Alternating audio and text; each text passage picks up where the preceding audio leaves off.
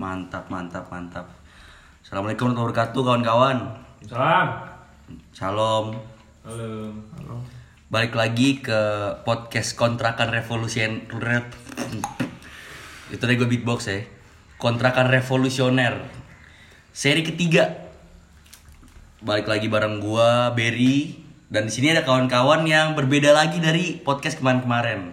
Kenalin dong namanya siapa? Shalom, nama saya Ray. Ada Ray, Assalamualaikum, nama saya Hasnan. ada Hasnan, Saya kembali lagi Mas Fatma. ada Fatma lagi balik dari podcast pertama. Kita kayak di sini berempat doang. Ada lagi yang mau ikutan? Oh nggak ada. Jadi ini masih di bulan Oktober. Kita masih ngobrolin hal-hal yang ya pastinya deket lah dengan kehidupan masa muda kita. Iya sih. Malam hari ini kita bakal ngobrolin satu tema yang dicetus sama Ray di sebelah gua. Temanya apa Ray? Om Ray? Sabar lagi ngunyah. Kuliah perlu lulus cepat apa enggak? kuliah perlu lulus cepat apa enggak? Nih FYI kita di sini beda-beda nih. Eh, apa sih semester bahasa jenjang kuliah nih? Angkatan. Angkatannya beda-beda. Sebenarnya kuliah itu perlu lulus cepat apa enggak? Menurut gua pembahasannya bakal menarik. Kita ngobrolin dulu tentang ada beda nggak? Eh tuntutan dari mana sih sebenarnya kuliah itu? apakah tuntutan zaman ya tuh nih lu semua boleh jawab kuliah itu sebenarnya tuntutan zaman tuntutan orang tua apa ya yang penting gue kenapa gue harus kuliah karena gue pengen kerja dua menit siapa ya siapa nih mungkin lunan lu gimana Tuntutan zaman bro. Tuntutan zaman lah kuliah. Masa kita mau jadi orang bodoh terus, kita harus jadi orang terpelajar lah. Dengan kuliah kita jadi orang terpelajar. Itu sih menurut gua. Bacot banget. Kenapa lu? Kalau- lu nih Kalau menurut gua ada banyak faktor kenapa orang kuliah. Yang pertama bisa jadi karena memang seseorang percaya bahwa kuliah bisa memperbaiki kehidupan. oke Ada juga orang yang kuliah karena ya udah karena teman-temannya kuliah jadi dia mau gak mau kuliah atau enggak ada orang yang kuliah ya udah hanya karena dia disuruh sama orang tuanya. Tuh. Nah itu yang nggak bisa kita tepuk rata. Kita harus benar-benar tahu juga sebenarnya alasan seseorang untuk kuliah itu apa. Mhm. Soalnya menurut gue alasan dari seorang buat kuliah tuh bakal ngefek sama tema kita hari ini Kenapa tuh? Ya kalau misalnya kita bilang alasan kuliah karena emang pengen pinter aja gitu. Berarti kan gak ada tuntutan waktu, tuntutannya ya sampai gue tahu ilmu gue sampai mana. Iya. Itulah gue sepakat buat gue selesai gitu menurut Iya. gue maksud gue. Nah, kalau kalau menurut lu pada gimana? Menurut gua sih gitu bro. Kita kuliah buat cari ilmu. Jadi singkat kata dari gua cepet atau enggak itu bukan masalah. Tapi seberapa mampu kita mendapatkan apa yang ingin kita dapatkan di kampus. Tapi mau ngomong kan kita tabrakan pak sama apa misalnya batas masa kuliah. Misalnya menurut kita kuliah lima tahun gak cukup, tapi ternyata dibatasi lima tahun. Mungkin menurut kita teman-teman kalau misalnya gara-gara teman kita kuliah juga, berarti kita ngikutin teman kita dong kapan dia selesai juga. Misalnya ya bisa jadi minder. Masuk, masuk akal. Hmm. Kalau misalkan ngomongin motivasi kuliah, mungkin berkaca dari diri sendiri. Dulu gue mikir kuliah itu ya udah karena di masa tua nanti gue harus kerja, sementara untuk kerja itu lo butuh legitimasi. Nah itu kan ditandai dengan apa namanya Ijazah. dengan Ijazah. ijazah. Nah gue membutuhkan ijazah itu, tapi Mhm. seiring berjalannya waktu karena kebetulan gue juga sekarang hitungannya udah semester tua lah di kampus tapi gue pun justru makin takut sama yang namanya kelulusan karena gue merasa ya sebenarnya gue juga gak tahu apa-apa gitu loh selama kuliah ini Aha. gue hanya disibukkan dengan segala aktivitas kampus menambah teman dan semacamnya sampai akhirnya apa yang dipelajari pun gue juga gak ngerti dan mungkin jangan-jangan nggak bisa diaplikasikan juga Hmm. karena yang namanya nanti kerja sependek pengetahuan gue kan kata orang-orang intinya kita kerja kita kerja ke orang dia mintanya kayak gimana ya udah kita turutin sementara apa yang kita ketahui berarti belum tentu bisa kita aplikasiin, Aplikasiin, gitu ya, iya. aplikasiin. Nah itu itu sebenarnya menarik pak karena sebenarnya apa sih kalau menurut pada yang dibutuhin sama dunia kerja hari ini dari orang-orang yang baru lulus deh, yang lulus dari kuliah S1 kita masih S1 kan masih S1 semua, ada yang maba S2 nggak ada. Nah sebenarnya menurut pada apa sih dibutuhin sama dunia kerja? Ini nih yang sempat sempat seru. Beberapa waktu lalu kan kita baru aja apa namanya terjadi pergantian kepengurusan kabinet. Ya, Nah sekarang kita yang kuliah-kuliah ini kan bidang pendidikan tinggi masuk dalam uh, bidangnya Mendikbud yang Mendikbud. sekarang. hmm, Dikbud. Itu Nadiem Nadim, Makarim. Pak Nadim, Pak Nadim. Nadiem Makarim lah. Berdasarkan beberapa artikel dan berita yang tak baca, Hmm. itu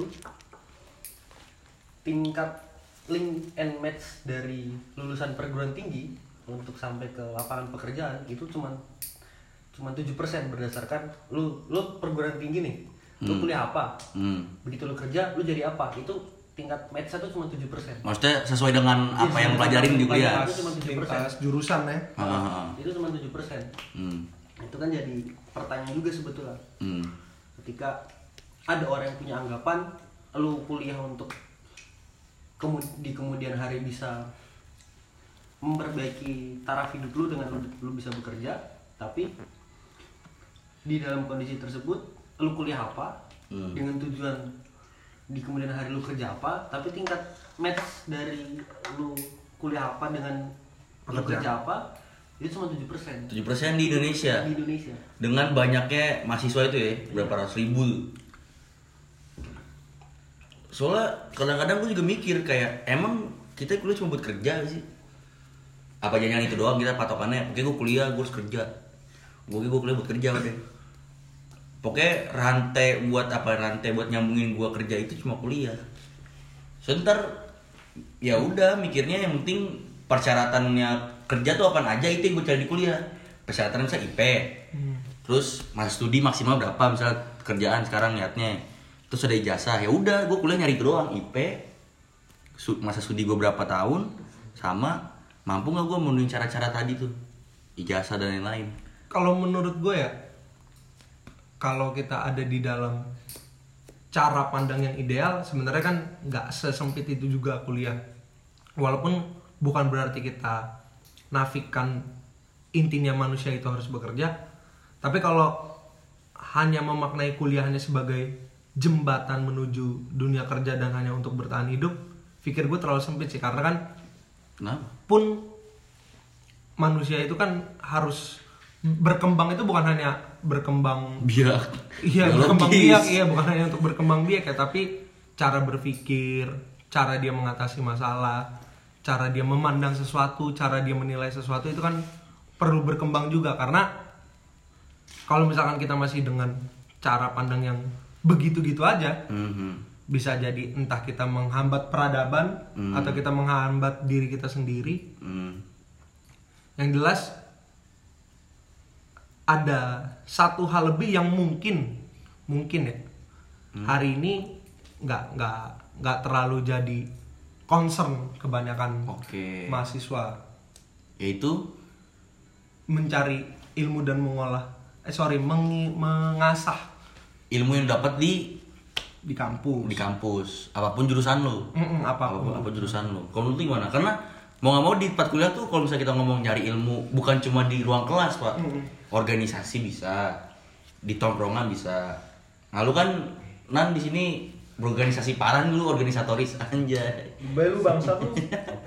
lu kalau lu gimana? Tadi gue bilang dibilang sama Ray ya itu bukan cuma kita ini kita harus ngasah lah ya ada proses menuju kedewasaan juga lah. Itu men- menarik ya. Ber, kalau misalnya kita kembali sedikit ke masa lalu kita kan kemarin baru memperingati Hari Sumpah Pemuda ya. Sumpah Pemuda itu kan sebetulnya ya menginisiasikan perkumpulan para mahasiswa intelektual kan itu kan. Hmm. jadi aku kok nggak pernah denger ya kalau yang ikut Sumpah Pemuda itu ada orang-orang yang misalnya seperti Semaun yang nggak sekolah atau seperti kawan-kawan yang ada di desa yang tidak bisa mengenyam bangku pendidikan mereka kan sebenarnya golongan-golongan yang siap menjadi priayi sebetulnya Hmm.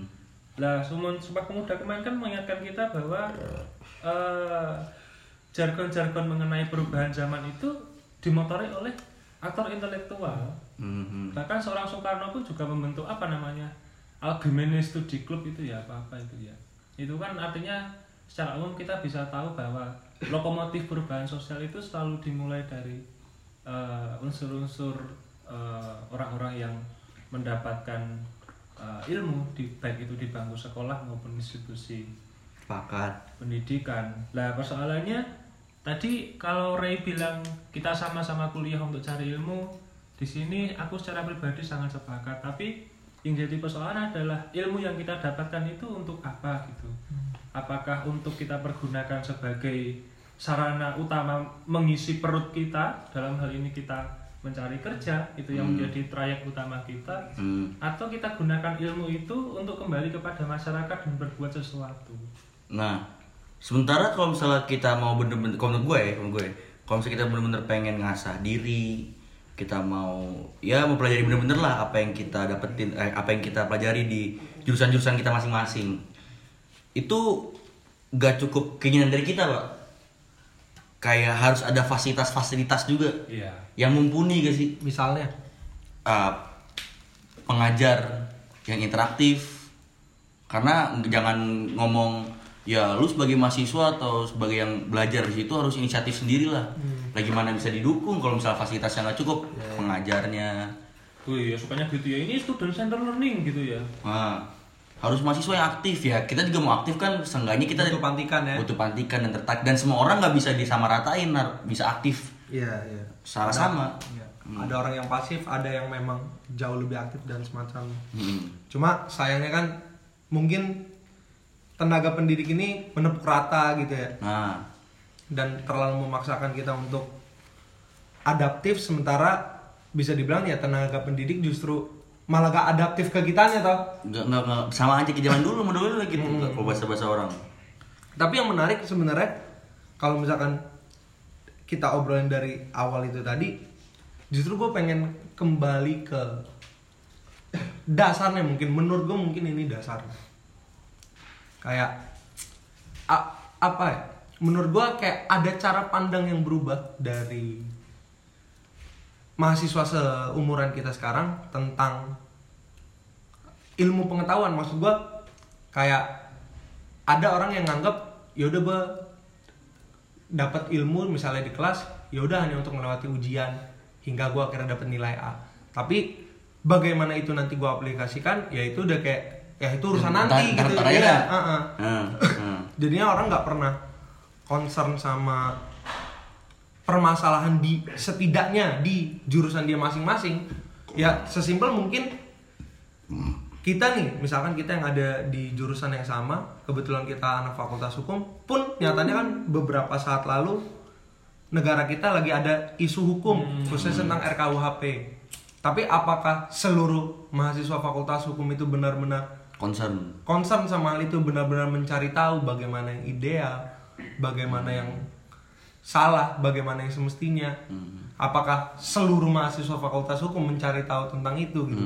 Nah, itu yang ngebikin gue kadang kayak kalau misalkan kita yang mahasiswa aja nggak terfikirkan sama hal itu atau tidak dipantik untuk berpikir mengenai hal itu, ya apalagi asumsinya berarti kuliah ya udah yang penting orang kuliah Nilai A. lulus Mhm. ya nilai A nilai bagus kerja bertahan hidup kan gitu clear udah iya jadi kayak ya sempit aja kehidupan ini. Mandek-mandek aja sih Iya. ilmunya? Gitu doang nggak bakal dikembangin.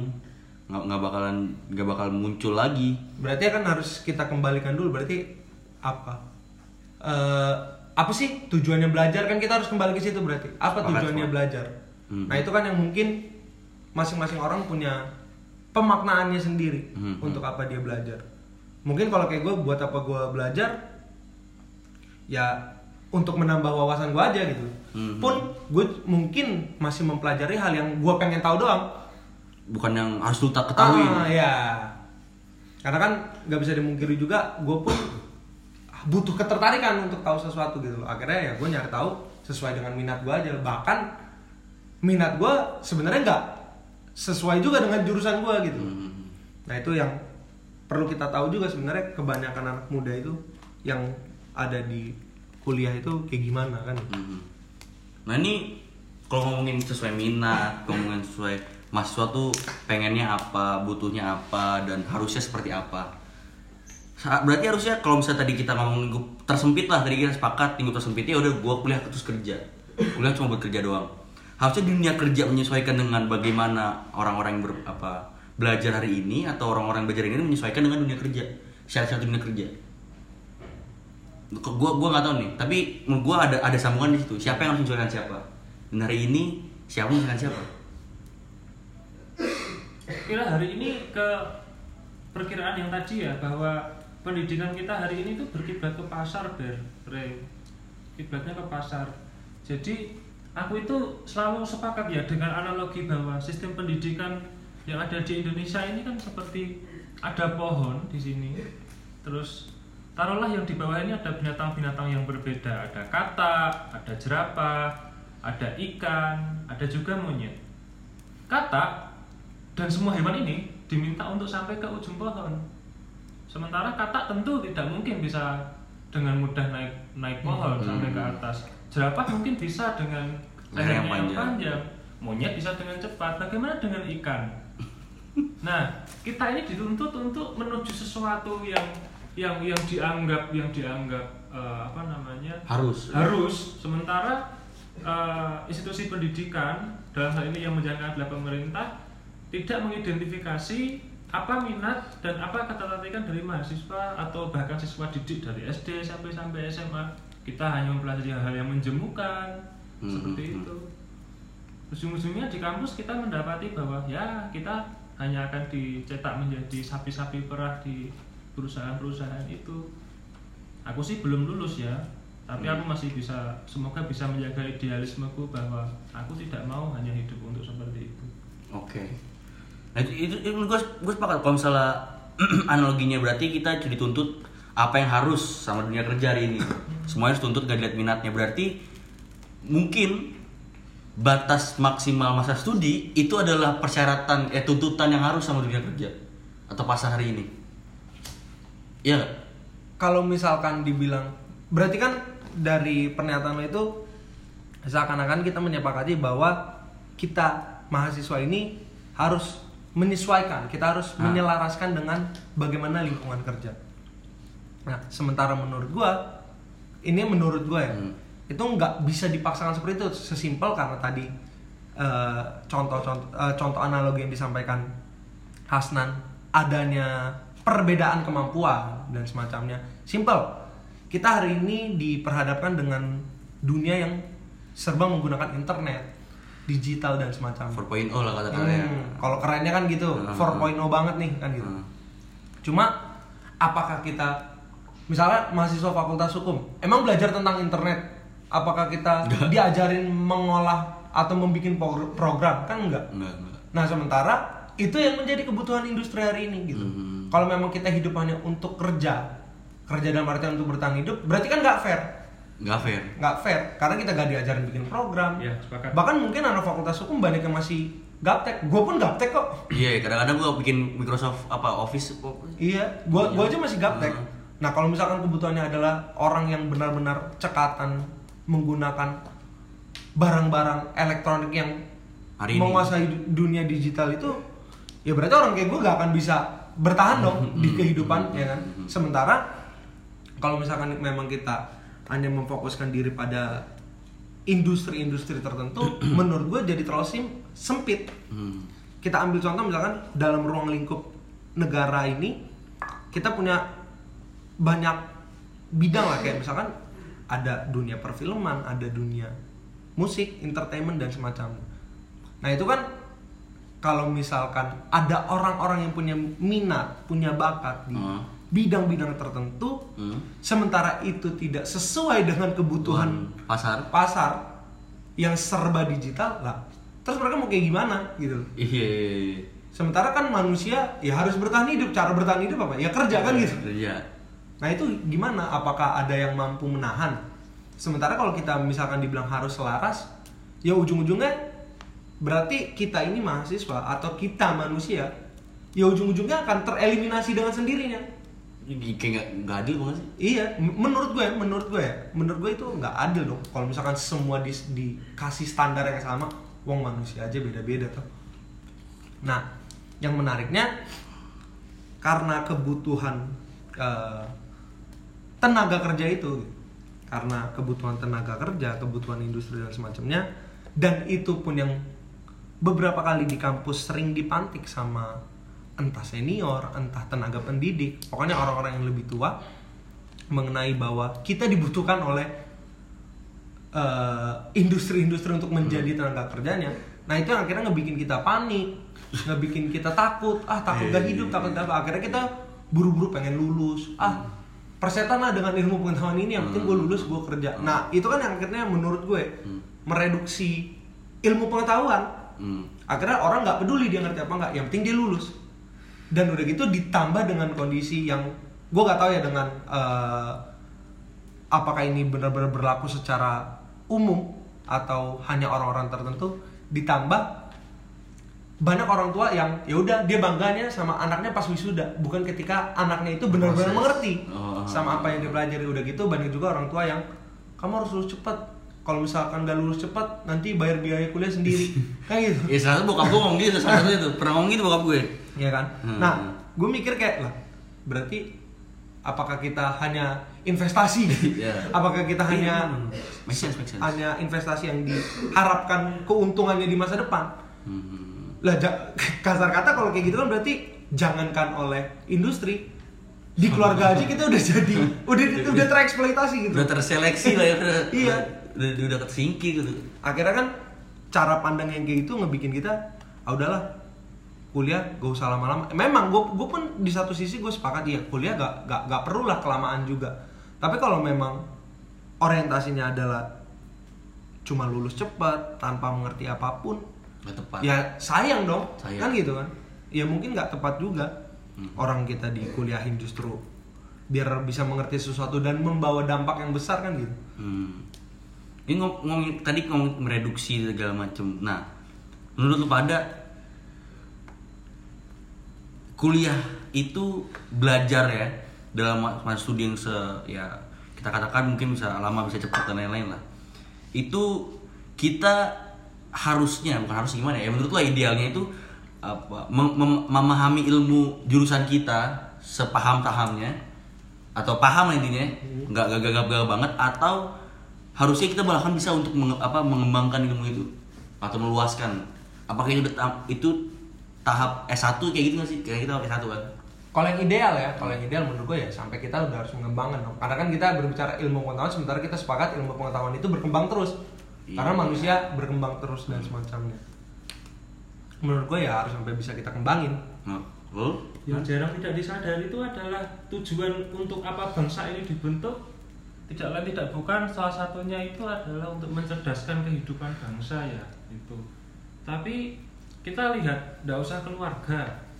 Presiden kita yang kemarin habis dilantik itu bahkan mengatakan dengan tegas bahwa orientasi hari ini adalah harus hasil bukan proses.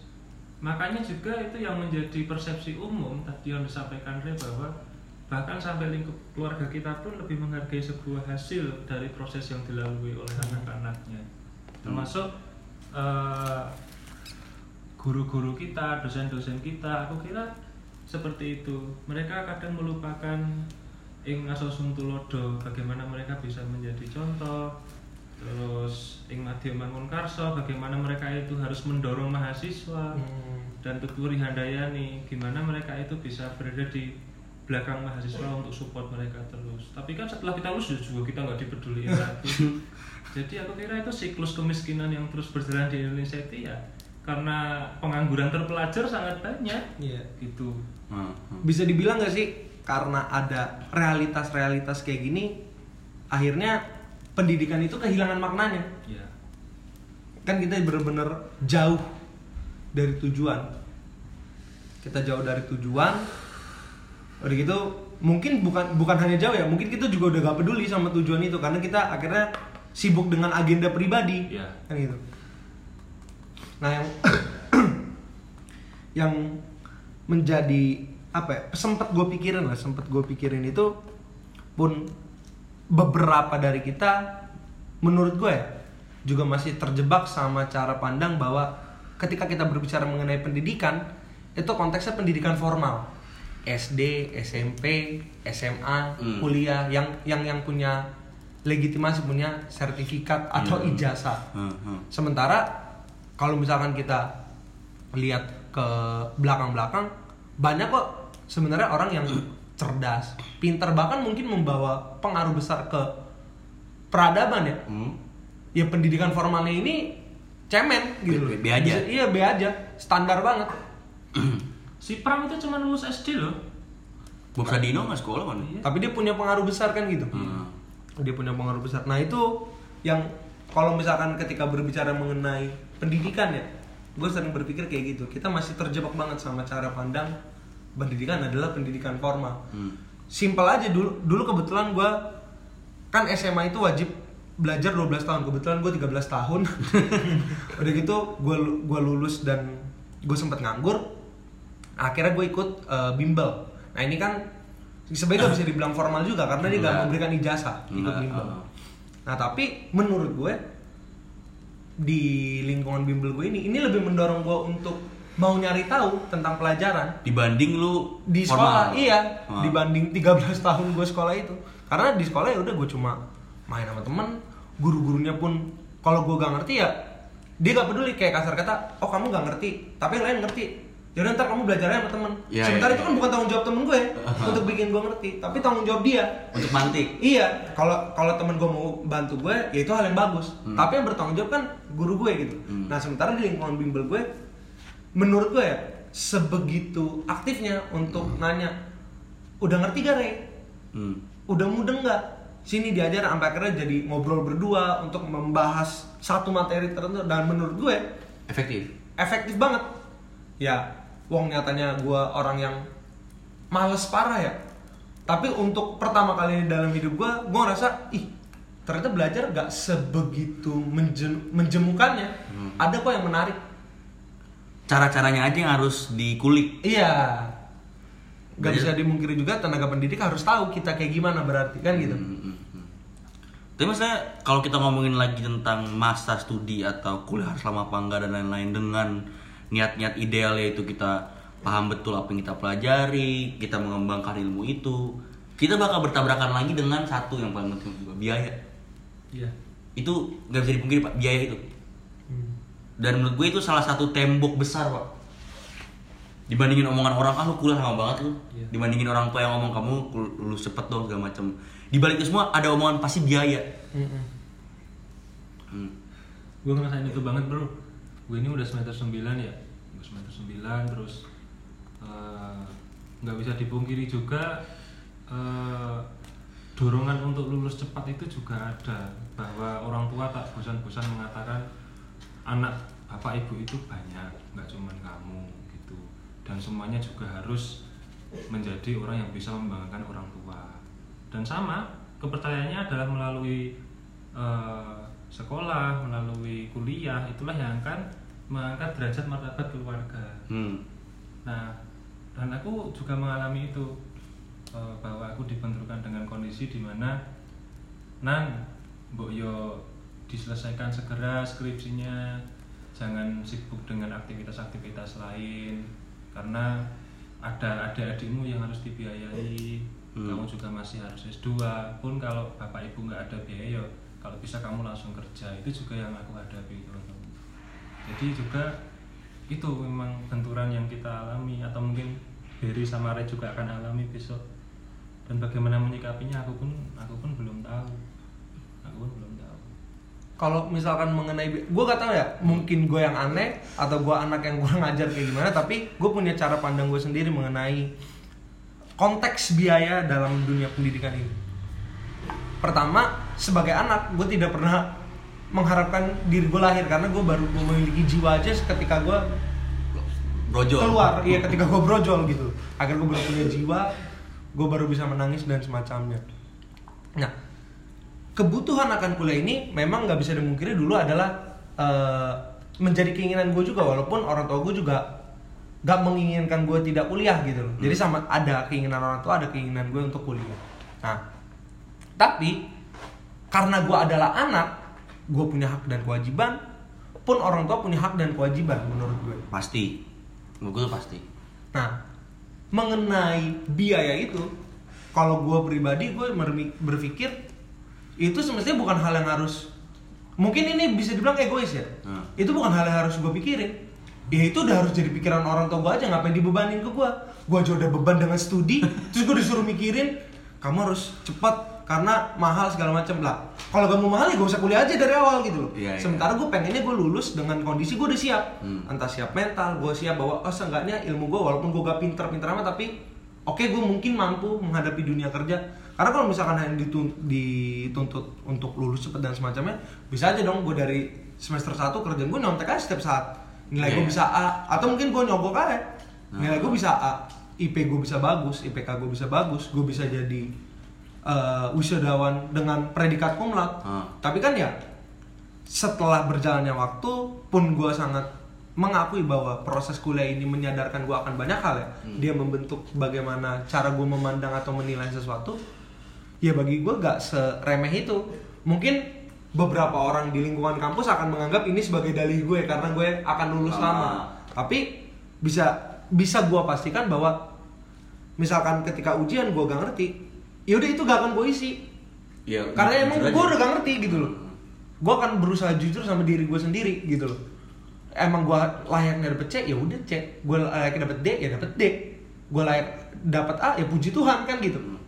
Sementara kita sama-sama tahu ya sistem ujian itu kan kayak jadi penghafalan penghafalan doang. Ya, ya, ya.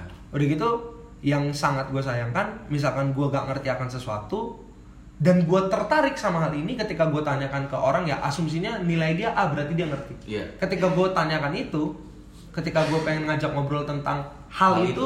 eh dia gak ngerti juga lah kan jadi lucu gue mana lu? lah terus lu bisa dapet nilai A ini dari mana wong lu gak ngerti Ah. gue juga gak ngerti kok tapi gue gak dapet nilai ya seperti lu Iya. berarti kan asumsinya dia ya udah berarti di satu ujian dia hafal udah gitu aja Iya.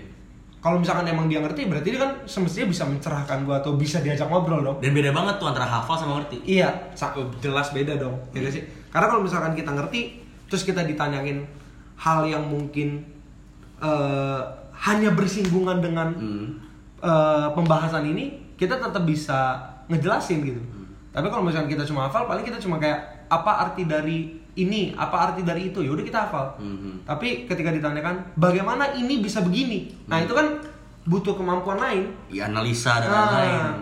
nah sayangnya yang menjadi target gue adalah gue pengen bisa kayak gitu. Walaupun gue orang yang emang lelet banget ya dalam belajar dan kayak gitu kalau misalkan gue ngerasa gue gak mampu itu pasti akan dalam waktu yang lama gue tinggalin. Ntar begitu gue udah tenang sedikit baru gue cari tahu lagi baru gue cari tahu lagi nah sayangnya kan lingkungan pun tidak memadai ya gue harus kayak gimana Ya. konsekuensinya berarti ya ya udah gue cari tahu sendiri Ya. untungnya kan sekarang banyak eh, platform-platform yang bisa kita nyari tahu entah kita lewat YouTube kayak Aplikasi entah aplikasi apa apa, kayak untungnya kan masih ada kayak gitu-gituan kan Hmm. nah tapi kan diskusi atau dialog langsung dengan orang yang memang fisiknya ada di depan kita tuh jauh lebih enak. Ah, pastilah. dan itu akan ngebenturin oh menurut gue kayak gini menurut gue kayak gini. Nah itu kan lebih enak. Dan semestinya eh, apa iklim diskusi itu justru harus sangat galak ya di kampus menurut gue. Cuma kan itu yang justru ya mungkin kalau kita berani fair Sepi. sepi banget di kampus gitu loh. Sepi, sepi, banget di kampus. Kita masih terlalu sibuk dengan apa proker proker proker Iya, Ya, itu kan buat CV, Ray. Nah. biar, biar kerjaan biar kerja enak Iya, dan enak, lagi-lagi kebutuhan iya, pasar. lagi-lagi ya udah kebutuhan pasar gue pengen kayak gini gue pengen kayak gitu Jadi balik lagi ke pertanyaan dari tadi ya masalah biaya sebagai hambatan. Bahwa eh, aku nggak tahu ya ini salah siapa. Itulah sebabnya di pembukaan konstitusi kita itu sebelum mencerdaskan kehidupan bangsa itu tugas pemerintah adalah memajukan kesejahteraan umum. Iya. Itu jadi Itu sambungannya sebenarnya. Iya, iya. terlampau banyak orang yang meng- bisa menguliahkan anaknya bisa lulus kumlot lulus cepat tapi bagaimana tiap hari dia berdarah-darah dan menderita karena pinjam sana sini Iya. Hutang dan ditonjokin rentenir setiap hari kita nggak pernah tahu penderitaan penderitaan itu jadi ini sebenarnya salah siapa gitu siklus yang nggak pernah selesai Iya. gitu Kalau misalkan memang kita sejahtera, semestinya biaya gak jadi beban ya. Jadi beban. Dalam konteks pendidikan ya benar benar. benar. Nah pertanyaannya apakah kitanya harus sejahtera atau biaya pendidikan ini harusnya ditekan? Kalau kita ngomongin tadi, Kalau menurut gue ya, mengingat itu tanggung jawab negara, semestinya itu bisa ditekan dong. Mengingat itu tanggung jawab negara ya, Oke. semestinya itu bisa ditekan.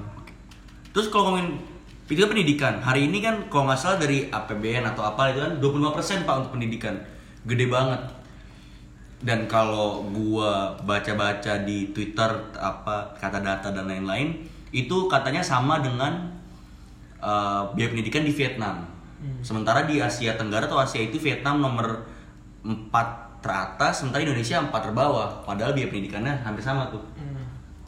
Jadi kayak gue nggak paham sih ini gue kritik lu yang pro pemerintah ribut sini. Maksud gue ini apa kritik kritik terhadap pemerintah yang nggak bisa uh, mengatur biaya pendidikan itu supaya kita bisa naik gitu kan tingkat pendidikannya gimana? Eh gue nggak paham lah. Tapi itu poin menarik tuh bahwa ya sebenarnya ada hubungannya dengan memajukan kesejahteraan umum dengan mencerdaskan kehidupan bangsa. iya iya berkaitan dan banyak kasus di mana anaknya sebenarnya berpotensi cerdas Tapi karena gak punya duit. iya itu loh Iya. Nah, itu salah, banget. salah siapa padahal aku sepakat banget dengan Ray bahkan kita nggak pernah bisa memilih lahir dari rahim siapa atau bahkan dilahirkan di bumi Indonesia Mhm. yang mengesampingkan pendidikan sebagai modal utama untuk membangun bangsa Hmm, hmm, hmm. jadi gimana enaknya ini Ah. Tapi gini, sebelum gimana enak ini dan lain-lain, pasti pandangan umum atau kenapa hal-hal apa diskusi kayak gini nih tema-tema tentang pendidikan segala mana segala macem itu kenapa jarang dibahas? Karena bantahannya adalah ah lu mah kritik doang. Hmm. pasti karena lu pengen lama kan? Ah lu Iya. kritik doang karena lu Atau kan cuma berdali. Ah, lu berdali doang. Eh, itu, itu itu mau nggak mau itu yang ada pak. Itu, itu, itu yang ada. Dan mau nggak mau kita sebagai yang mendiskusikan ini harus punya argumen lain atau memang punya rasionalisasi bahwa kenapa kita ngomongin ini kenapa kita kritik Menurut gue ini juga jadi, misalkan tadi yang lo bilang, ah lo cuma pengen ngeritik doang. Cara pandang atau cara berpikir yang kayak gitu, ini menurut gue hasil dari pendidikan yang kayak gini. Gak bisa dimungkiri kan? Masa? Mungkin kita bisa ngelihat entah temen, atau kita lihat di internet, atau kita lihat di TV. Itu banyak banget orang yang ketika ada seseorang mengkritik sesuatu, pasti dia ngomong, ah kritik doang tanpa solusi. Sementara menurut gue, sementara menurut gue, kritik itu nggak perlu solusi. Kalau misalkan kritik itu perlu perlu solusi lah nga, nga- ngapain itu dikasih tahu? Mendingan kita jadi yang berkewajiban. Contoh misalkan kita ngekritik pemerintah terus ada orang ngomong ah lu bisa ngekritik pemerintah doang solusi dong. Ya kalau solusi ketahuan gue jadi presiden sini. Iya. karena gue punya solusinya kan gitu. Iya, iya, iya, iya. Ya kan? Sementara itu bukan tanggung jawab gue Hmm. tanggung jawab gue adalah menjadi apa bahasanya mitra kritis. Nah, kayak eh eh, pemerintah kebijakan lo kayak gini gak tepat karena gini gini gini gini gini gini gini. Iya. nah cara pandang cara pandang kebanyakan orang itu kan yang pengennya apa ya mungkin bahasanya mungkin di sisi lain bagus ketika kita punya kritik terus kita punya solusi gak itu bagus itu bagus. Iya. tapi gak punya solusi menurut gua gak masalah karena namanya kritik. Nah menurut gua kenapa kebanyakan orang mikir kayak gitu? Karena gak banyak orang mau diajak ribet khususnya dalam berpikir. Menurut gue ya. Simpel aja. Gue pun gak, gak, gak terlalu suka untuk berpikir keras dan semacamnya. Tapi gue mungkin bisa memastikan diri gue ketika gue diajak ngobrol gue gak akan nolak gitu loh. Ah. gue gak akan nolak. aja. Kalau misalnya ditanya eh Ray menurut lo kenapa ya ini kayak gini? Kenapa ya itu kayak gitu? Ya gue gak mungkin langsung gue tolak. Pasti gue akan oh iya kenapa ya? Gue akan ikut berpikir dulu. Kalau memang gue udah mandek gue pasti akan jujur. Wah gue gak ngerti. Mandek wah sulit. Nah sementara kebanyakan orang diajak diskusi itu bakal kayak ah ribet lu. Udah nolak dari awal. Hmm, hmm. Nah itu menurut gua menolak dari awal diajak diskusi atau diajak ngobrol hal-hal yang kayak gini nih, yaitu karena cara mengajar yang kayak gini menghasilkan cara berpikir yang Kayak kayak gitu. gitu. Iya. dan paling dalihnya ah lu ngomongnya ketinggian lu Ah, sementara menurut gua nggak ada pembahasan yang terlalu tinggi. Kalau misalkan bahasan kuliah, ah pembahasannya berat banget. Menurut gua gak ada pembahasan yang berat. Itu cuma soal ya kita mau tahu apa enggak. Kalaupun kita gak mau tahu, ataupun kalaupun kita udah malas, ya apa susahnya sih mendengarkan? kan gitu Ya. apa susahnya berpendapat wong pendapat tidak pernah salah kan gitu Ah. kita berpendapat ya sesuai dengan ya gue taunya apa kalau kita ngasih tahu sesuatu atau berpendapat sesuatu ternyata salah atau nggak tepat kan pasti dikoreksi Ya, ya, sih ya. nah justru di situ proses pembelajarannya ah, Iya. ada dua orang apa beberapa orang lah ya Ada interaksi, iya. interaksi dan lain-lain dan menurut gua nggak tahu menurut gue gue bisa ngomong ini karena hasil obrolan tadi jangan-jangan cara kita meng- cara kita mengkritik sistem pendidikan adalah salah satu andil kita dalam ikut mencerdaskan kehidupan bangsa bisa jadi gak ada yang Aku- tahu Ya, dan aku sepakat banget bahwa basisnya ilmu pengetahuan itu adalah kritisisme dan falsifikasi. Ketidaksepakatan itu akan menimbulkan apa Wacana namanya wacana baru. Wacana baru itu dihantam lagi dengan kritisisme, falsifikasi, ada wacana baru lah. Persoalannya bahkan di internal kawan-kawan kita sendiri sesama orang yang menuntut ilmu menjauhi ruang-ruang dialog semacam Hmm. itu Hmm, gitu. hmm, hmm. dan lebih eh, memikirkan dirinya sendiri, lebih bersifat individualistis, menganggap itu hal yang membuang-buang waktu atau hanya dipikirkan oleh orang-orang yang ya katakanlah orang yang nggak punya semangat buat lulus cepet, membanggakan orang tua. Iya, ya, itu itu pasti label yang dikasih tuh. iya iya Hmm. gue punya satu cerita menarik jadi waktu itu gue ikut eh, mata kuliah tertentu di kampus terus ada salah satu kawan yang menanyakan hal yang bener-bener di luar pem- di luar materi bener-bener di luar pembahasan tapi masih berkaitan. Singgungan lah. masih bersinggungan. Nah dia nanya itu ke dosen terus terjadilah dialog antara dia dengan si dosen ini yang cukup alot. Hmm. Nah terus se- pasca mereka dialog itu banyak teman-teman di dalam kelas yang kayak ah lu ngapain sih nanya kayak gitu? Ngelama-lamain ah lu." ngelama-lamain aja lu. Nah di situ gue mikir kayak lah ini kan memang lagi proses belajar ngajar ada orang penasaran Hmm. ya memang harus diakomodir harus diobrolin Iya. kalau lo gak seneng ya mendingan lo yang keluar gitu Dan loh. itu tempatnya gitu jadi itu memang nah sesuai tempatnya Mhm. kalau misalkan dia lagi Ngaji. ibadah di gereja terus dia nanya nah itu kan aneh Iya, itu iya. aneh karena nggak sesuai Hmm. gitu lah ini tapi memang lagi di dalam kelas lagi matkul pun nanyain hal yang masih bersinggungan nah gue kan mikir kayak lah apa kalau masuk kelas hanya untuk absen segala macam gue gue gak bilang gue paling rajin ya Iya. tapi gue pun di kelas hari itu hari itu pun gue gak, gak belajar sungguh-sungguh gue cuma datang. Bahkan untuk menyimak enggak. Gue ngedenger iya tapi gak nyimak gitu. Iya, iya, iya. tapi begitu ada temen yang nanyain hal yang ih menurut gue keren nih orang nanyain sesuatu yang di luar materi tapi ya masih bersinggungan juga. Kan berarti ada. Dia dia punya eh, cara berpikir yang lain gitu. Dia menurut gue ya dia kritis lah gitu Mhm. terhadap eh, pembahasan ini. Tapi kok gue ngeliat nih kok teman-teman sekelas ini justru menolak dia nah. menolak ketidaktahuan dia kayak udah lo kalau gak tahu yaudah ntar aja lah Ya. kita pengen pulang dulu gitu loh kesannya dan menurut gue ya kayak gitu yang bikin ilmu pengetahuan itu terhambat Iya. karena lingkungan yang gak mendukung juga gitu Dianggap pansos, pengen deketin dosen. Ya. Ya, jilat, jilat. Dan menurut gua kalau kita ngomong tadi ada tembok-tembok kayak biaya, ada maksimal masa studi, ada kawan-kawan yang kadang-kadang suka ngomongin dan itu menjadi concern bagi diri kita, kok diomongin terus. Uh, dan ada tuntutan bahwa lu tuh belajar bukan cuma untuk memenuhi pasar tapi juga untuk mengembangkan ilmu pengetahuan dan juga lu biar ngerti banget. Itu tugas kita juga untuk mengolah segala macam itu. Mengolah hambatan mengolah kemampuan kita. Pinter-pinter lu dan gue juga gue pribadi gue juga belum pinter. Tapi seenggaknya gue hari ini dengan diskusi ini concern. Punya punya punya pendapat lain dan punya tuntutan buat diri sendiri lah oh ya gue harus kayak gini gue harus kayak gini gue harus kayak gini. Nah kalau kalau menurut kontreksmannya serah lah menurut lu kayak gimana. Lu sepakat apa kagak ya kan? Pun ini kita ngobrol bebas. Tapi menurut lu berdua deh. Terus apa yang harusnya dilakukan? Mau itu sama pemerintah mau itu sama kita sebagai mahasiswa. Dengan obrolan kita tadi yaitu mahasiswa studi ternyata ya lama pun nggak apa-apa asal memang niat lu apa. Dan kondisi hari ini seperti gimana? Asumsikan misalkan sorry bukan asumsi ini. Bayangkan Hmm. kalau gue boleh berhayal sedikit anggaplah gue presiden.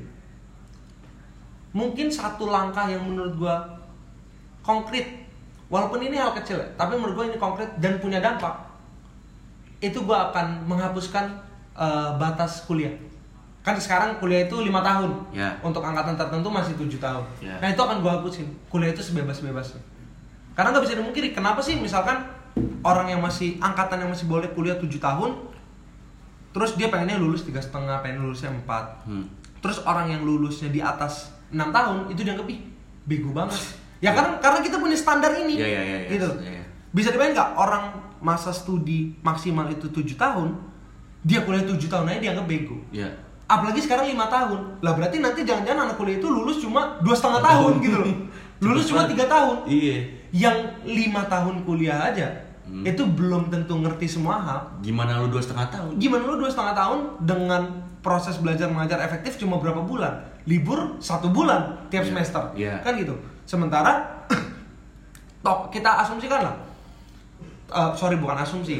Kita lihat ke belakang belakang tokoh-tokoh yang memang punya andil itu kan sependek pengetahuan gue kalaupun dia kuliah kuliah contoh yang sering diangkat di negara ini tuh Munir contohnya pejuang HAM aktivis HAM sependek pengetahuan gue kuliah dia itu 10 tahun dia kuliah 10 tahun tapi jelas punya andil Iya. dia pejuang yang jelas Hmm. Nah, lo bisa bayangin gak sih? Dia, gue yakin, gue yakin betul kenapa dia bisa concern itu sama hak asasi manusia. Yaitu tidak terlepas dari 10 tahun dia kuliah, bagaimana dia berproses, bagaimana dia memandang HAM. Ya lo bisa bayangin gak sih? Dia 10 tahun, dia butuh 10 tahun di awal Iya. untuk bisa segitunya. Bekelas 10 tahun, Ci. Ya, yang tiga tahun, tiga setengah tahun, ya apa? Gitu. Hmm. Sementara waktu sama aja, apalagi kan orang zaman dulu sumber nyari sumber pembelajarannya sulit, Ya. masih buku-buku fisik. Kita Hmm. sekarang udah punya Internet. punya digital segala macam. Ya. Tapi di satu sisi jadi kayak serba salah juga. Hmm. Oke, mungkin bisa dibilang lah justru karena misalkan ada internet segala macam bisa mempermudah dong. Jadi lulus Hmm. cepet itu hal yang wajar. Hmm. Tapi ketika lo buka HP atau lo pengen baca buku digital aja, emang ketika ada notif masuk di HP lo, gak lo klik. Iya. eh. Kalau zaman dulu kan ketika lo buka buku, ya gak ada notif di buku itu gitu loh. Mungkin Iya. ada coret-coretan Coretan. atau tanda, ada tanda, oh ini habis dilipat atau Hmm, gimana. hmm. Lah kan sekarang lo lagi baca buku, eh ada notif. Ting. Atau gak ngomong, eh jangan lupa rapat jam 4. eh jangan lupa nih proker ya rundown rundown. Hmm. Sementara kita masih disibukkan dengan hal-hal kayak gitu. Berarti lu yang pertama lo kayak menurut lu apa sih sulit itu loss? Sebebas-bebasnya aja. Bebas ya. kalau memang dia layak nih 15 tahun ya silakan gitu Nah, ha. dan itu terserah dia itu apa? dikembalikan ke Iya. masing-masing orang Heeh. itu jelas memberikan kemerdekaan pada individu dia menjadi individu yang merdeka kan gitu Selain itu lu ada ada lain hmm, yang yang menur- menurut lu gitu? untuk apa memberikan solusi lah ya terhadap Hmm, obro-? Hmm. hasil-hasil obrolan kita eh mungkin gue akan menuntut mempercepat regenerasi dosen Udah maksudnya maksudnya menurut gua gak bisa dimungkiri juga ada kok dosen tua tapi yang masih bisa adaptif dengan anak-anak muda zaman sekarang ngajarnya masih enak terus pakai mungkin bahasa atau pendekatan yang mudah dimengerti Ya. dan ada juga dosen tua yang bisa kok ngemantik kita untuk nyari tahu lebih Hmm. tapi banyak juga dosen-dosen yang udah tua tapi dia tuh terlalu banyak pemakluman kayak ya saya ini udah tua ya saya ini dosen Ya, Bedali, bedali. Iya, berdalih. Jadi sebenarnya kayak ya sebenarnya dia yang malas. tapi kayak dilimpahkan itu ke kita gitu loh. Mhm. Nah, menurut gua butuh dosen-dosen muda yang memang punya kapasitas yang sama ya setidaknya untuk bisa ngajar generasi sekarang. Karena gua dari sepengalaman gua bahkan ada. Jadi di kampus itu kan lantainya tinggi. Kalau misalkan lift itu rame atau lift itu mati ya, Ya. auto naik tangga dong, Ya, ya nggak sih? pasti. Sementara dosen tua tuh banyak yang menolak untuk naik tangga. Karena ya, Apalagi kalau di lantai 4, lantai 5. Lima. Nah, itu bisa perkara dia malas naik tangga terus akhirnya gak kelas. Nggak ada kelas hari ini. Hmm, hanya karena ya udah dia mager naik tangga gitu. Ah, itu kan konyol. Udah kayak kung fu panda deh musuh. Tapi kalau misalkan tangga. itu dosen muda yang mungkin masih umur 30 atau 40 tahun, Hmm. masa iya dia naik tangga gak kuat? Kan gitu. Iya. Dan udah pasti menurut gua ya, ya dia mungkin lebih eh, beradaptasi dengan anak muda zaman sekarang, khususnya mahasiswa ya untuk bisa kira-kira pendekatan apa yang perlu gue lakukan untuk bisa ngajar secara efektif kan gitu Nah, karena mungkin generasinya nggak jauh banget. Mm, mm, mm, mm. Gue mau nawarin satu dalil dan tiga dalih bro dalil gue adalah bahwa eh, lulus lama itu bukan kesalahan tetapi lulus cepat itu harus diusahakan Hmm. Oke. Tengah Oke, realita sepakat, ya sepakat gue. di tengah realita itu tiga dalihnya adalah yang pertama itu yang kita obrolin kemarin ber ketika kita membayangkan kita menjadi seorang dekan Hmm. apa kebijakan yang akan kita keluarkan gitu misalnya taruhlah paling kecil untuk sebelum kita ke pemerintah kita ke kampus dulu kita aja deh gitu yang pertama adalah aku kira institusi pendidikan kita harus sadar bahwa hari ini mahasiswa kita itu terlalu banyak Hmm. hmm. terlalu banyak jadi ya adalah semacam upaya untuk mengurangi mahasiswa itu karena harapan-harapan tadi yang Roy sampaikan terkait pengajar yang berkualitas adaptif itu hanya akan menjadi angan-angan juga ketika satu pengajar dihadapkan pada 50 orang mahasiswa setiap pertemuan. Bahkan 60. ya bahkan 60 dan semakin banyak eh, mahasiswa yang ditampung semakin terstruktur sistematis dan masif juga eksploitasi kepada mahasiswa. Kita tahu ada semester pendek. Ya. apa tujuan dari semester pendek? Kalau bukan memaksa mahasiswa supaya lulus cepat dengan lebih lebih biadab lagi aku kira dibebankan biaya yang tinggi Hmm. Mhm. gitu Untuk tidak berdasarkan misalnya eh, reward misalnya di semester sebelumnya misalnya kamu bisa mengambil 24 SKS di SP kamu bisa ambil segini dengan biaya yang lebih sedikit kalau sebelumnya kamu bisa ambil dua-dua jadi ada semacam reward and punishment gitulah Hmm. berdasarkan ilmu kita Ya. pencapaian kita gitu. Iya, iya, tapi iya. sekarang disamaratakan yang mampu nggak mampu harus bayar segini untuk bisa ambil 9 SKS jadi aku kira itu harus diperbaiki atau bahkan dihapuskan semester pendek terus yang terakhir adalah bahwa eh, yang menjadi penting sistem pembelajaran kita juga harus dirubah. Jadi dalih terakhirku adalah 60% teori dan 40% praktik atau sebaliknya. Sesuai dengan eh, apa namanya konsentrasi kita di jurusan hukum. Dan ini penting supaya mahasiswa ini tidak jauh dari realitas yang dia bahas selama di kuliah supaya apa yang menjadi angan-angannya itu tidak hanya menjadi seorang bekerja atau buruh tetapi juga apa sih yang terjadi di masyarakat kita Hmm. gitu lah sementara hari ini kita nggak pernah diajak misalnya ke lapas apa yang Iya. ter- apa yang narapidana ini hadapi di sana Iya, iya. kita nggak pernah kita hanya melihat PPT dan hal-hal yang menjemukan lain Ini mungkin kita udah punya keinginan untuk ngambil peran penting lah ya. Hmm. Dan pos-pos yang kayaknya kosong nih hari ini dan dibutuhkan. Sepakat, sepakat. Tapi ini mungkin pembahasannya akan panjang tapi menurut gue gini. Kalau tadi lo bilang bahwa Ray bilang bahwa eh, loss aja gitu. Loss aja apa masa studi itu bebas. Apa nantinya nggak kosong Pak tempat-tempat kerja atau kasar-katanya pem- apa kursi-kursi pemangku kebijakan kalau misalnya memang banyak yang lama padahal kita sebagai iron stock bahasa kan Kalau menurut gue mungkin di satu sisi bisa terjadi seperti yang lo bilang, tapi di satu sisi walaupun pahit ya, hmm. tapi akhirnya kita benar-benar mengenal bangsa kita. oke Bahwa mungkin kalau memang ternyata sepi karena semua orang masih kuliah, ya mungkin ternyata kenyataannya, faktanya, atau yang menjadi kepribadiannya bangsa kita adalah bangsa yang malas, hmm. bangsa yang lebih suka berdialog saja Aha. tanpa eh, solusi yang konkret. Menurut gua ibarat kata kan katanya untuk membangun sesuatu yang baru atau hal yang baik ini ya memang kita harus menghancurkan dulu gitu loh. nah Mendobrak dan membangun lah bahasanya. Nah menurut gua di satu sisi kita bisa benar-benar mengenal diri kita dan kita bisa termotivasi ya karena emang diri kita ya misalkan aku pengen lulus ah ya udah itu emang karena diri gue Hmm. Gitu. dan di satu sisi ya itu kita benar-benar mengenal bangsa kita ini kayak gimana kan nggak bisa dimungkiri juga bahwa selama ini kita terlalu termakan dengan mantra-mantra yang diucapkan mungkin oleh angkatan tua bahwa oh bangsa ini adalah bangsa yang kaya. Ya. Karena misalkan apa ditanam jadi Iya. apa ditanam subur. Hmm. kita masih terjebak dengan mantra-mantra itu yang bikin kita akhirnya ya udah hanya terbuai. Mending ter- terbuai. Terbuai. Kita terbuai gitu.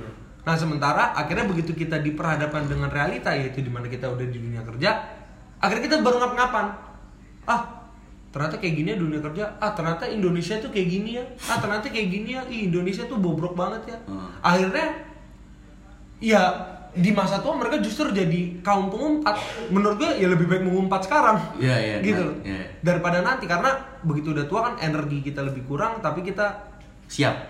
eh bukan siapa ya Efisien cara-caranya.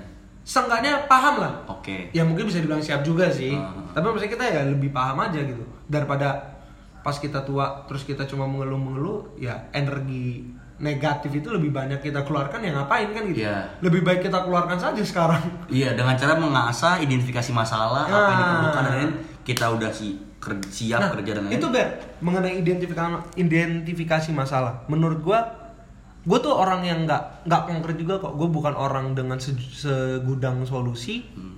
tapi menurut gua pembelajaran itu bukan ketika lo bisa me- menghadirkan solusi tapi ketika lo mampu mengidentifikasi masalah.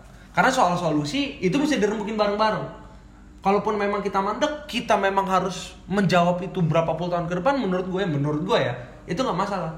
Tapi mengidentifikasi permasalahan menurut gue itu harus secepat-cepatnya yang penting kita udah tahu oh masalahnya itu ini gitu. Hmm, hmm, hmm. masalahnya A B C D E. Entah jawabannya kapan ya itu kan seiring berkembangnya ilmu pengetahuan juga toh. Hmm. ya kan? Nah masalahnya kita tuh mau nggak sih diajak ngobrol untuk mengidentifikasi masalah? Apa pun itu. apa pun itu. Ibarat kata mungkin kalau yang eh, masih berkaitan dengan anak muda identifikasi masalah mengenai percintaan deh. Nah, kan untuk hal itu aja orang udah males Iya. udah kayak termakan dengan tenang bro cita tuh buta. iya dengan quotes quotes internet Iya. mereka gak mau diajak berpikir rasional menurut gue Iya. akhirnya lebih ngikutin eh, intuisi dan semacamnya sementara yang kita butuhkan itu kan otak mana itu otak kiri yang lebih analitis yang lebih eh, logis Hmm. lebih rasional dan semacamnya untuk hal yang remeh temeh me- sesimpel cinta itu aja kadang mungkin kita males mengidentifikasi masalah apalagi kalau kita tiba-tiba disuruh mengidentifikasi permasalahan negara kan gitu Jauh banget bahasanya. iya Nah. kan orang kayak gitu diajak ngobrolin udah ngomong menurutmu Indonesia tuh ah, udah ada unsur negara di situ udah ah, berat pembahasan lu Ngawang, ngawang. iya Ngawang banget. iya Sepakat, sepakat. Kalau ini pertanyaan lagi buat kalau ini beda pertanyaan buat siapa ya buat Asnan ya. Tadi lu ngomong bahwa kita ha- kalau menurut lu sarannya adalah kita potong lah, bukan potong apa ya, kurangin lah eh, banyaknya mahasiswa di kelas. Bukannya itu mengurangi kesempatan orang. Atau ya kita kurangin eh, jumlah mahasiswa di kelas tapi kita banyakin jurusan. Artinya orang nggak ujung cuma karena apa ya? Karena yang disediakan cuma misalnya 10 jurusan, ya orang maksa, maksa ah gue nggak ada nih selain 10 ini, Hmm. gue di jurusan ini. Akhirnya banyak tuh mahasiswa di situ. Karena minat dia nggak terakomod- terakomodir. Yang penting mana? Kalau misalnya orang dalinya masih gitu. Lalu kok dikit-dikitin kesepat orang dihapus dong kesempatannya buat masuk situ. gue belum ada solusi sih bro Hmm. tapi aku kira itu persoalan yang berkaitan dengan eh, apa yang kita hadapi hari ini ya bahwa pendidikan kita tidak eh, mengalami stagnasi atau bahkan pengajar kita juga tidak bisa adaptif itu sebenarnya juga bukan karena kesalahan mereka juga tapi juga oleh karena terlalu banyak mahasiswa yang harus mereka urus urus begitu. Jadi kadang kita juga harus realistis gitu loh bahwa hanya ada satu dosen tapi kita seakan-akan mengharapkan dia untuk memastikan orang satu kelas ini bisa mendapatkan eh, takaran ember yang sama gitu kan. Tapi kan juga sulit. Makanya yang aku bisa ya hanya kritik dulu bahwa Hmm. eh, jangan banyak-banyak lah jangan banyak-banyak kuota yang didapatkan nah justru itu malah ke depan akan memberikan peluang bagi kampus-kampus lain yang misalnya grade-nya masih menengah ke bawah itu juga untuk terisi oleh orang-orang yang berpotensial Iya. jadi orang-orang yang berpotensial atau bahkan lebih eh, mapan secara ekonomi tidak lari ke kampus yang bonafit Iya. dulu gitu loh Oke, enggak enggak Iya. ya sepakat sepakat sepakat. Terus- Enggak terkonsentrasi satu tempat Iya, ya. konsentrasi itu kan menembat eh, ketimpangan juga ya antara institusi A ini bonafit, institusi ini enggak. Nah itu kan juga membuat kecemburuan sosial atau bahkan yang lain. Tapi ini yang juga penting ingin aku sampaikan khususnya karena aku lulus lama pelaku yang eh, lulus lebih lama daripada yang aku bayangkan sebelumnya tadi ada kata kunci yang baik ya dari Ray ya bahwa ayo kita bayangkan saja gitu karena emang ini hanya masih ada di angan-angan tadi juga Berry bagus bilang Iron Stock bahwa eh, aku kira kawan-kawan yang dengar podcast ini yang selama ini menghujat mencerca eh, kawan-kawan lain yang lulus lebih lama daripada yang mereka bayangkan atau kalian bayangkan kalian tidak pernah tahu apa yang mereka lalui apa yang mereka jalani dan proses apa yang mereka dapatkan. Dan oleh karena aku sangat yakin bahwa kita sebagai orang terpelajar ini harus paham dalam demokrasi kan kedaulatan tinggal di tangan rakyat. Mitosnya kan gitu. Mitos ya. Mitosnya. ya mitos- mitosnya gitu. Nah jadi orang-orang yang terpelajar ini harus mengambil peran untuk sewaktu-waktu berani membypass kekuasaan gitu. Karena semua perbendaharaan kita ini semuanya nggak lepas dari kekuasaan. Yang menjalankan sistem pendidikan kurikulum dan lain-lain itu kan kekuasaan. Jadi sebelum kita apa namanya memimpikan membayangkan hal yang besar ya kita juga harus berani melakukan hal yang besar juga gitu. Hmm. bahwa Oke. ayo jangan saling mencerca yang lulus lama atau yang lulus cepat tapi kita sama-sama sadar bahwa ini loh peran kita selain tanggung jawab pada orang tua untuk lulus cepat oke kita sepakat. Tanggung jawab kita juga untuk pada diri kita sendiri dan tanggung jawab kita untuk bangsa ini. Yakni selalu mengambil peran untuk siap-siap membypass kekuasaan apabila mereka itu eksesif atau berlaku tidak adil terhadap pendidikan gitu. Super sekali. Luar biasa. Lebih nasa tapi terkait yang lu bilang biar apakah solusinya kita bisa memperbanyak jurusan?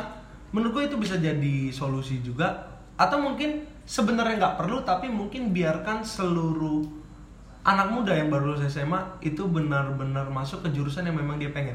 Jadi mungkin gue akan berangkat dari pengalaman lagi walaupun mungkin bukan pengalaman gue ya tapi ini sharing dari beberapa teman-teman gue kebanyakan eh, anak-anak muda yang punya minat di dunia seni atau entertainment itu pasti akan terhambat oleh orang tua ya atau mungkin karena Ada. lingkungan sosial. temen gua ada orang tua Iya kan? karena orang tua Nah, ini kan sangat disayangkan sementara untuk membangun peradaban atau lebih khusus membangun sebuah bangsa, membangun negara, kita nggak bisa hanya untuk ngomongin pemerintahannya doang, kita nggak bisa ngomong hanya pendidikannya doang. Hmm, hmm. Pun dalam dunia entertainment aja kita harus bisa ngebangun hiburan yang mendidik. Ya atau nggak seenggaknya yaudah dia cukup menghibur aja tapi jangan membodohi. Ya gitu loh. Batasnya itu tuh jangan yang penting. Intinya jangan membodohi. Hmm. karena kan menghibur gak harus membodohi dan gak harus mencerdaskan juga. Menghibur sekarang menghibur pun ada.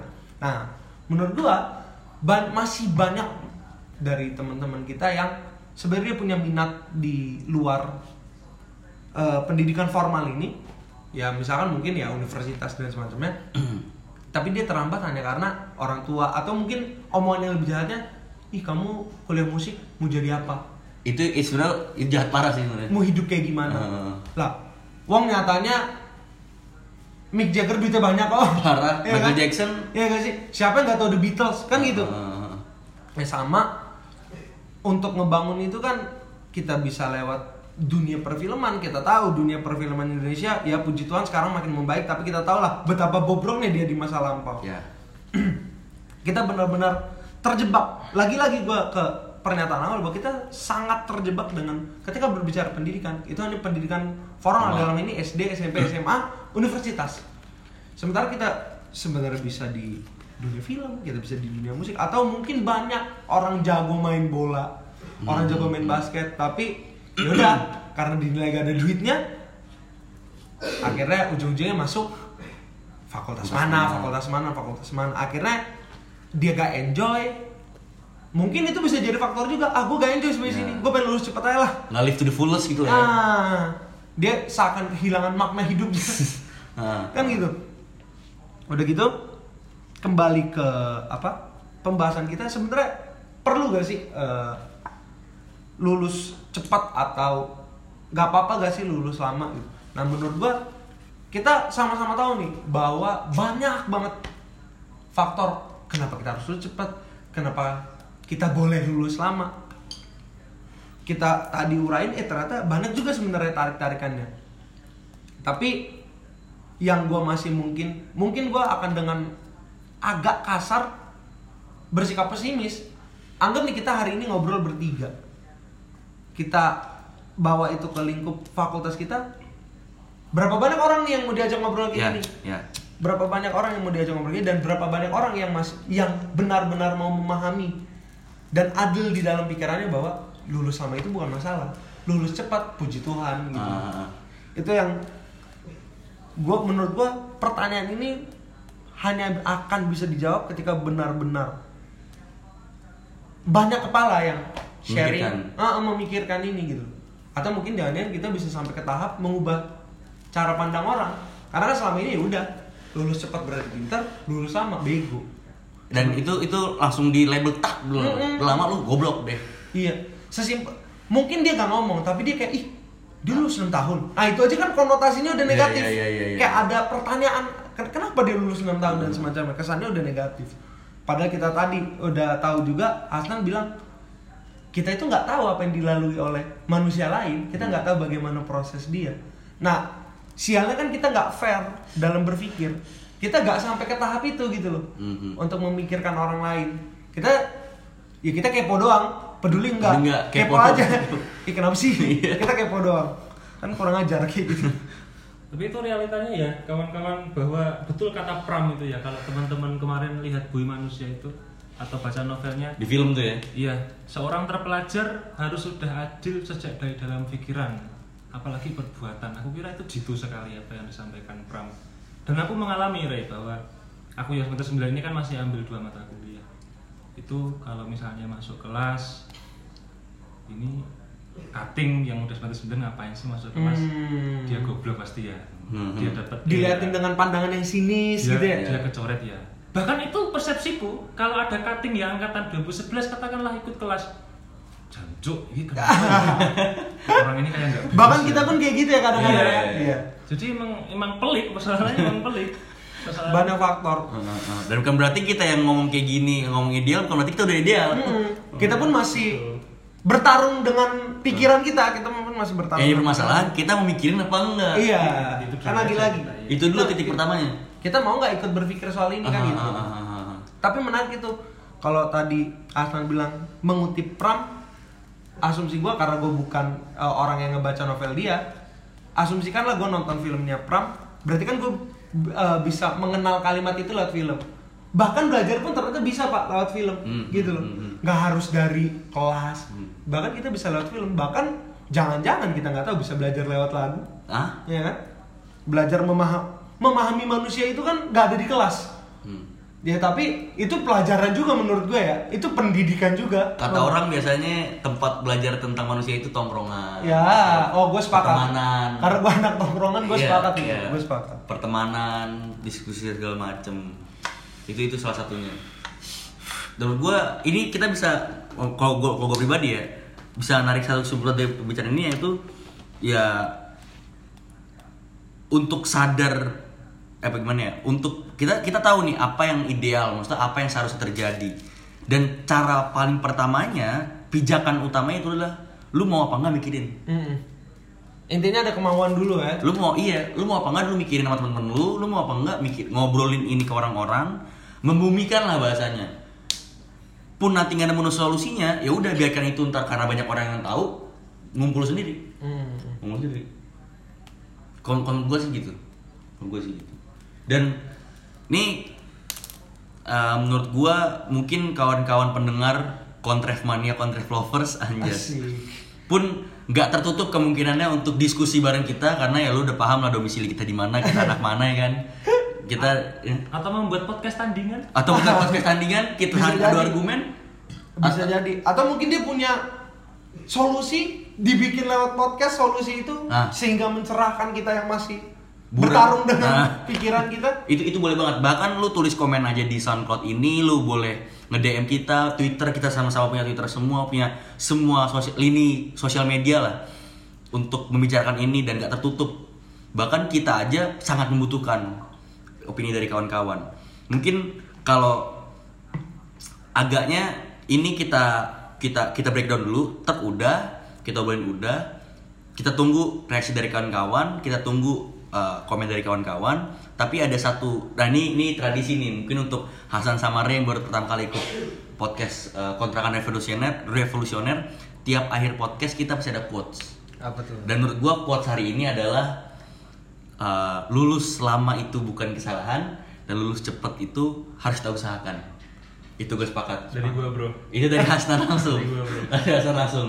Uh, mungkin gitu aja kawan-kawan Kontref Mania. Uh, gua Berry pamit undur diri. Gua Ray pamit undur diri. Gua Ray Hasan pamit undur diri. Asik. Uh, wassalamualaikum warahmatullahi wabarakatuh. Sampai Uh, jumpa. sampai jumpa di podcast selanjutnya. Salam kawan-kawan.